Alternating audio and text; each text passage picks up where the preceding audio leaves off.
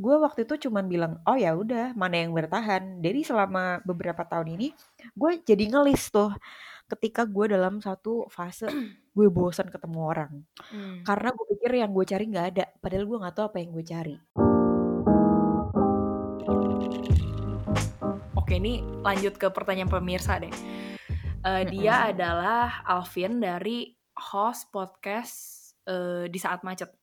Sebenarnya Ya. kalau dari online dating itu, lu bisa nggak sih mendapatkan hubungan yang serius? Atau itu cuma buat one night stand aja? Itu pertanyaan dia. Ini langsung gue jawab nih. Yep. Meskipun gue belum mendapatkan pasangan dari dating apps atau online dating, dan gue juga tidak berharap banyak gitu. eh bisa gak sih orang tuh mendapatkan pasangan dari online dating? Oh bisa banget. Contohnya di beberapa episode podcast gue ada yang ketemu dari Tinder, ada yang ketemu dari setipe. Di next episode Iya. juga gue wawancara temen gue yang dari dating app lain gitu. Iya. Banyak. Caranya gimana? Caranya bermacam-macam juga. Ada juga yang jadi fuckboy dulu, terus jadi baper, terus akhirnya serius nikah. Ada juga yang emang Bertransformasi ya. Iya bener, nah ada juga yang misalnya ketemu cuman dua minggu, si lelakinya main ke rumah perempuan terus mau ngelamar serius, ya ada juga yang begitu. Nah memang ada beberapa yang eh, menikah langsung dari dating apps dan tidak semerta-merta tanpa having sex misalnya. Ya yang tadi Ah, gue oke. bilang, Hmm. karena sebetulnya mendapatkan pasangan hidup dari dating apps itu it's like a bonus bagi gue. Kenapa? Hmm. Karena persentase pengguna dan orang yang berhasil menikah itu sebetulnya sangat sedikit. Gue bisa ngomong kayak gitu karena gue udah pernah lihat data dari riset gue ya. Nah, Hmm. selama ini kita bilang bahwa oh banyak ya sekarang nikahin dari Tinder. Ya banyak, karena itu kebetulan teman-teman lu aja gitu. Coba kalau Hmm. misalnya dihitung dari penggunanya ada misalnya 10 juta di Hmm. dunia. Tapi yang nikah mungkin ya 10 ribu. Itu kan kecil ya. Sedikit banget, iya. Tapi memang jadinya circle-circle itu aja yang eh, yang nyampe informasinya ke telinga kita gitu. I Tapi bahwa see. semakin semakin banyak orang yang mendapatkan pasangan dari dating apps, iya betul. Tapi bukan berarti orang lebih banyak eh, punya kesempatan di dating apps dibanding ketemuan konvensional konvensional tuh enggak enggak enggak lantas begitu Hmm, Oke oke gitu oke. sih. Itu tadi jawaban untuk si Alvin. Pertanyaan berikutnya. Ini pertanyaan dari gue sih karena gue penasaran. Nah, Oke. lu pernah baca buku modern romance nggak? Pernah dong, gue punya bukunya. Pernah. Berarti lu udah tahu apa yang mau gue omongin lah ya. Nah, sebenarnya itu kan gimana banyak ya gimana? di modern romance itu yang dia ngebahas tentang misalnya si authornya itu kan stand up comedian si Aziz kan. Mm-mm, Aziz. Nah, dia tuh uh, yang gue yang gue inget deh poinnya pertama, dia ngebandingin hubungan kita nih anak-anak yang zaman sekarang sama hubungan uh, orang tua yang zaman dulu. Which is pa- salah satu hipotesisnya adalah kenapa orang-orang zaman dulu itu lebih gampang uh, langsung berkomitmen ya. Mm-mm. Dalam artian kalau anak-anak sekarang kan pacarannya lama dulu lah atau apa uh, Hmm. dibanding zaman orang tua kita yang langsung oke gue kenal lo, gue uh, nggak perlu coba-cobain ngewe sama siapa pun dulu, udah gue langsung sama Iya lo aja iya gitu. iya. iya. Nah itu salah satu yang dibahas. Dan uh, pertanyaan gue adalah, menurut lo sendiri nih sebagai pemakai dan juga researcher di si online dating ini, lu setuju nggak sama yang si Aziz bilang di mana dia bilang sebenarnya tuh generasi kita dengan memakai online dating, you have so many options. Yes. It comes to the point lu tuh bener-bener jadi berasa kayak more is less gitu loh. Karena lu Yes. ngerasa gila ini gue udah banyak banget pilihan and of course even fuckboy wants to have the one gitu loh. Nah, Mm. dengan adanya nih online dating, pilihan lu tuh banyak banget. Itu akhirnya jadi paradoks gak sih? Jadi malah bikin lu tadinya mau dapet jodoh, tapi malah nggak ja- nggak dapet jodoh. Dan paradoks Mm-mm. lainnya adalah saat lu pikir lu punya pilihan banyak, nggak taunya lu malah stres sendiri dan lu jadi unhappy gitu loh. Nah Iya, itu malah jadi bingung gitu ya. pengalaman lu gimana tuh? Iya. Oke, sebetulnya banyak juga yang nanya ke gue Hmm. karena maksudnya gue sang udah sangat sering gitu lah udah nggak terhitung udah berapa cowok yang berbeda yang gue kencani gitu dan teman-teman gue selalu nanya ada nggak yang nyangkut kayak it's like Hmm. Nyangkut tuh gimana maksud lo? Lo berharap gue akan memberikan komitmen atau serius gitu ke satu orang gitu kan? Iyalah gitu ada Hmm. yang kalau lanjutkan gak ada gitu. Gue nggak bisa Iya. menjawab saat itu. Gue sadar bahwa ternyata semakin banyak pilihan bagi gue malah sulit menemukan yang terbaik gitu. Dan gue jadi ber, bertanya pada diri gue sendiri sebetulnya yang terbaik tuh ada gak sih? gitu atau itu emang cuma dalam imajinasi kita yang selama ini em, orang-orang bilang selektif lah harus inilah harus bisa apalah gitu dan Iya. seperti yang kita tahu kalau kencan ketemu orang setiap kali first Hmm. date pas orang itu pakai baju misalnya kok warnanya nggak matching ya oke coret gue pernah melakukan itu ke beberapa pasangan date gue. Maksudnya it's getting real gitu. Gue sadar bahwa ketika gue nge- lagi ngedate sama si cowok ini hari Sabtu ya elah tenang aja sih next week gue masih banyak cowok yang mau gue datingin gitu. Gue di jalan mau ketemu si A tapi pas pulang ketemu si A gue tetap message sama si B si C untuk kencan-kencan baru. Sesimpel itu. Jadi ya udah. Hmm. Gue waktu itu cuman bilang oh ya udah mana yang bertahan? Jadi selama beberapa tahun ini gue jadi ngelis tuh ketika gue dalam satu fase gue bosan ketemu orang.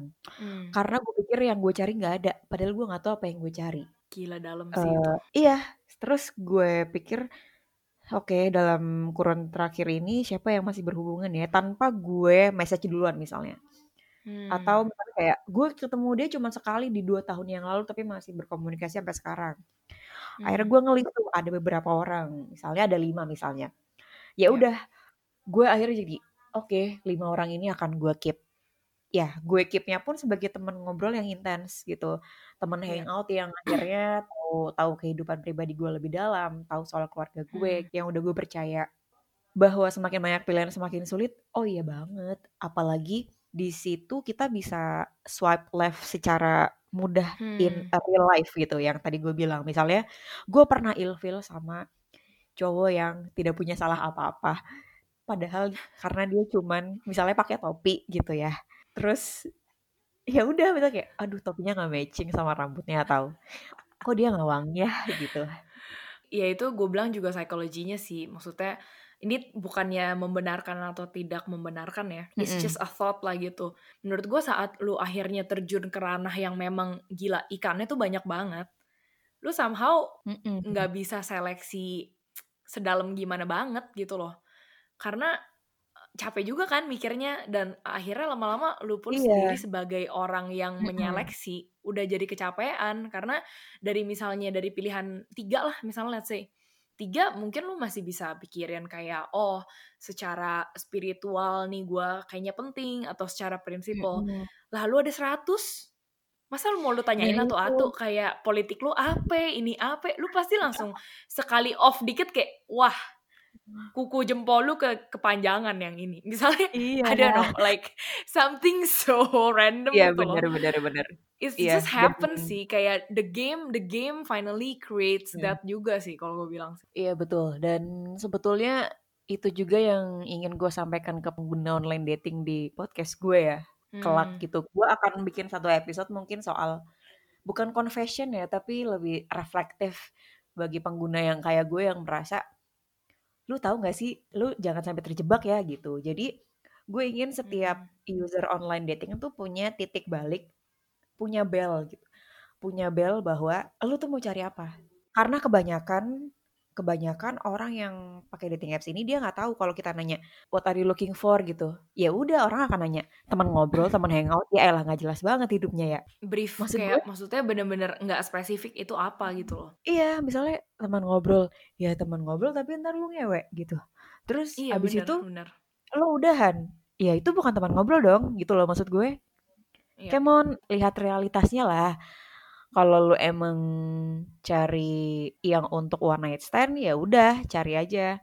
Tapi udah tahu risikonya, udah tahu konsekuensinya gitu. Terus misalnya kalau lo mau cari friends with benefit, ya silakan. Tapi usahakan tidak mengecewakan keduanya. Atau kalau misalnya FWB-nya udah ada salah satu yang baper, ya confess lah. betul apalagi ini kan masalahnya permainannya ini membawa perasaan ya. Maksudnya Mm-mm. gue nggak percaya sih orang yang lu udah ngewe terus lu bilang kayak maksudnya kita tuh bukan gue rasa binatang aja punya kali perasaan. Cuma maksud gue kita tuh nggak mungkin lalu yang nggak yang ngewe kayak robot gitu loh. Kayak oh ngewe ya ya ya ya ya abis itu udah kelar. There's pastilah a certain special feeling whatever it is Iya. lu mau call it love kayak mau lu call it warmth tapi again we are all human gitu kan yang punya Iya, complicated benar-benar. feelings yang lu nggak bisa lah walaupun lu ngomong misalnya oh gue nggak masalah kok one night stand gue orangnya nggak baperan no it's gonna have a certain impact gitu loh Kalau gue boleh bilang, waktu itu gue sempat baca kalau nggak salah di Instagramnya Ketumanizer atau Ines Kristanti, gue lupa. Jadi sebetulnya manusia itu butuh intimacy. Hmm. Intimacy ini sebetulnya sulit didapatkan. Tapi dengan adanya online dating dan media-media berupa dating apps ini jadi simplifikasi intimacy dalam bentuk cuddling misalnya. Kalau setelah berhubungan seksual atau aktivitas seksual, lu merasa jadi terisi, terus habis itu kosong Yeah. lagi, ya it's okay. Jangan sampai kekosongan yang tidak lu penuhi itu jadi apa ya candu secara secara biologis itu kita Yeah. butuh butuh aktivitas seksual. Tapi juga kita harus bisa mengontrol diri sampai mana sih? Itu kan yang akhirnya disebut baper kan sebenarnya. Tiap kita berhubungan intim dengan orang lain, mau itu cuman foreplay, mau itu ada Hmm. intercourse, dan mau itu cuddling doang, itu kan memenuhi salah satu sifat kesepian kita. Terus Hmm. memenuhi eh, kebutuhan biologis dengan sentuhan, dengan rangsangan, itu kan Ya. apa ya ilmiah gitu ya. Nah, Ya. yang terjadi adalah kita harus mengontrol bagaimana otak dan tubuh merespon setelah ada kejadian itu. Itu yang akhirnya disebut baper apa enggak gitu kan. Bukan yang kayak, aduh kok Ini analisa baper nih, gitu?" bener sih. Iya, maksud gue, Iya, ya iya. lu akan merasakan rasa-rasa itu. Bukan berarti kalau lu nggak baperan terus lo berarti nggak punya perasaan. Enggak, tapi lu bisa mengontrol perasaan lu dengan oke, dengan baik, itu terlatih gitu kan. Sayangnya kan Iya. nggak semua orang, nggak setiap orang bisa tahu sampai titik mana, sampai batas mana gue harus melakukan ini. Gitu. Iya, iya, iya. Wow, ini jadi dangerous game ya untuk para pemula yang Iya, tidak punya tujuan dan juga naif. Untuk penutup dah, penutup, penutup. Iya. misalkan ada adik-adik kecil nih Mm-mm. yang datang ke kamu ke DM. Iya. Kak, aku mau online dating nih, gimana sih caranya gitu. Lu kalau misalnya bisa memberikan advice atau tips yang applicable lah eh, Mm-mm. buat mereka orang-orang yang bener-bener pertama kali banget eh, nyobain online dating, nah itu lo mau ngomong apa ya? Apa ya? Oke. Gue asumsikan orang yang kali pertama menggunakan online dating ini umurnya sekitar 18 sampai 35 lah ya. Iya. Nah, biasanya gue akan ngasih tahu bahwa pakai dating apps yang simpel dulu, yang mudah dipahami. Hmm. Dan kalau emang tipikal anak yang sabar dan mau menunggu, pakai yang udah ada jawab eh, pertanyaan-pertanyaan yang harus kita jawab. Itu mempermudah kita untuk menyeleksi match-match mana yang cocok gitu. Itu eh, memotong waktu lah seenggaknya. Untuk algoritma Terus ya. iya gitu. Dan menurut gue pasanglah foto yang sejujur-jujurnya. Jadilah diri sendiri, jangan terlalu jelek juga, tapi jangan terlalu bagus juga. Maksud gue, gue juga nggak cakep, tapi gue tahu bagaimana posisi gue ketika gue difoto dan gue percaya diri gitu. Yang penting lo Itu. percaya diri sih, bener juga. Ya, jelek cakep relatif juga kan. Iya, iya makanya. Terus em, berikutnya adalah jangan terlalu terbuka dulu dengan stranger. Meskipun di luar sana, misalnya lo udah yakin itu aman, tidak ada yang aman di dunia ini. Hmm. Yang bikin aman adalah diri kita sendiri dan batasan-batasan kita gitu ya. Bahwa di luar sana di Oh, online dating oke, ini banyak predator, banyak catfishing, banyak penipuan. Oh banyak, jangan salah Iya sih, lu gitu. pernah lu pernah cerita sih Heeh, di jadi lo. mm-mm, jadi bermainlah secara aman. Kalau emang nggak tahu, tanya.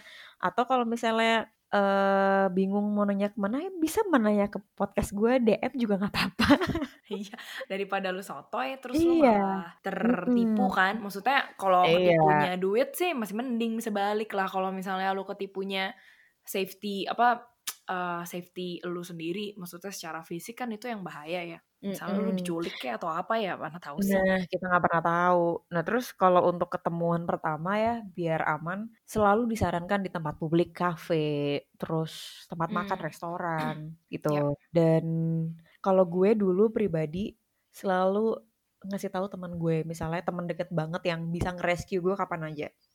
Gue lagi ketemu Hmm. ini di resto ini, daerah ini, gitu. Oke, Yap.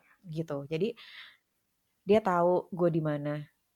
Eh, bagi gue itu tidak menyalahi aturan apa pun, itu tidak menyalahi privasi si partner atau gimana, karena itu demi Mhm. keamanan lo.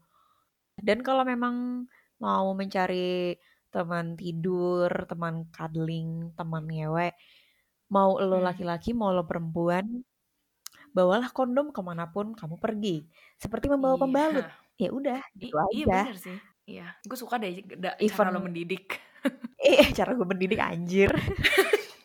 soalnya ya logika Iya. aja kan iya kan maksudnya there's nothing Mm-mm. tabu gitu loh kalau misalnya lu mau pikir-pikir Iya. lagi ya ya kalau lu Iya, berdarah betul. gimana masa mau Nah, dipeperin kan. tembok pakai pembalut sama halnya dengan sperma kalau ke mana-mana Iya. masa dimasukin jangan pakai kondom biar aman Nah, betul. Itu bagi gue adalah salah satu bentuk dalam menjaga diri dan bentuk syukur lo atas tubuh lo yang udah lo punyai. Jadi apa ya? eh, Hmm. melindungi dan mitigasi untuk badan lo sendiri lah. Gitu. Iya. Bahwa beli kondom juga nggak apa-apa kok kalau lo malu beli kondom di konvensional, beli online. eh apalagi tips yang lainnya Hmm, tips yang lainnya memahami kemauan diri sendiri tidak mudah, tapi bisa. Tapi Hmm. harus dilatih. Jadi setiap ya, jadi kalau misalnya ketemu seseorang terus lo merasa gagal, it's okay. Semua orang kayak lo kok. Bahkan gue juga seringnya gagal gitu. Ah, Ida. Gue pernah denger loh cerita lo yang di episode ke-6 itu. Yang... itu lucu banget sih. Gue tuh dengerin lagi sambil... Apain ya gue? Masak deh kalau gak salah. Gue pokoknya demen deh kalau lagi denger podcast tuh sambil masak. Kayaknya kayak ibu-ibu seru gitu loh gue. Ya Allah. Yang dengerin tentang... Gue gak tahu ya ini spoil. Jangan deh gue gak mau spoiler. Soalnya gue mau bikin nggak apa-apa orang-orang jadi dengerin episode lo. Oh, Pokoknya ada wow, momen thank di mana di episode ke-6 ya, Da, yang apa romantis, miris gitu, gue Kadang tipis. judulnya. Iya, iya. Oke, terus eh, lu ada project-project lainnya selain podcast atau apa yang ingin lu promosikan di sini? Gue sebenarnya punya rencana pengen bikin spesial episode selama Ramadan. Isinya gue sendirian gitu yang cerita gitu. Gue pengen bikin itu. Cuma belum tahu konsepnya kayak gimana, formulanya kayak gimana. Nah, terus eh, selain ide untuk mau punya episode spesial di Ramadan, ada lagi yang lain? Jadi sebetulnya gue tengah April ini mau bikin dua acara. Satu diskusi soal online dating culture, eh satu speed dating. Tapi karena perkoronaan ini tidak kunjung reda dan makin memburuk, akhirnya kita tunda sampai waktu yang belum bisa ditentukan gitu. Tapi ini baru di area Jakarta. Gue berpikir untuk Hmm. bikin diskusi online dating. Terus ya it- itu speed dating. Tapi rencananya kalau misalnya sampai wabah coronanya selesai, lu bakal ngadain kapan? Juni dong kira-kira? Ya kalau perkoronaan lebaran udah kelar, ya setelah lebaran Juni atau Juli. Oke, oke. Podcast lu bisa ditemukan di mana dan kalau orang mau follow Instagram lu, coba sebutkan Instagram lu apa? Oke, jadi kalau misalnya teman-teman pendengar Abjad Tersirat mau dengerin podcast gue di Spotify ada namanya I Think I Wanna Date You. Bisa di Google Podcast, bisa di platform lain juga. Kalau untuk Instagram eh, di @wannadateyu underscore podcast dan di Twitter ada @wannadateyu. Oke, ya udah deh. eh, sepertinya segitu aja. Terima kasih Ida udah mau gue ajakin ngobrol di tengah perkoronaan ini. Eh, gue yang makasih udah di-invite. Dan gue bener-bener seneng loh. Berfaedah banget gitu ngobrol sama lu beneran deh. Kayaknya seneng gitu ketemu satu orang pinter lagi di bumi ini. ya udah mungkin kapan-kapan kalau misalnya ada obrolan-obrolan lainnya mungkin kita bisa ngobrol-ngobrol lagi di sini atau di tempat lainnya dan mungkin kalau gue lagi main ke Jakarta mungkin kita bisa ketemuan. Oke. Okay. Itu tadi obrolan part kedua gue bareng Ida Umamah dan jangan lupa untuk dengerin part pertamanya juga ya yang bisa kalian dengar nggak cuma di Spotify, tapi juga di Anchor, Google Podcast, Listen Notes, dan juga Apple Podcast. Dan kalau kalian suka juga mendapatkan sesuatu dari podcast Abjad Tersirat, jangan lupa untuk follow podcast ini dan share ke teman-teman kalian ya. Atau bisa juga memberi apresiasi kalian dengan memberi review atau ratings untuk podcast ini di Apple Podcast.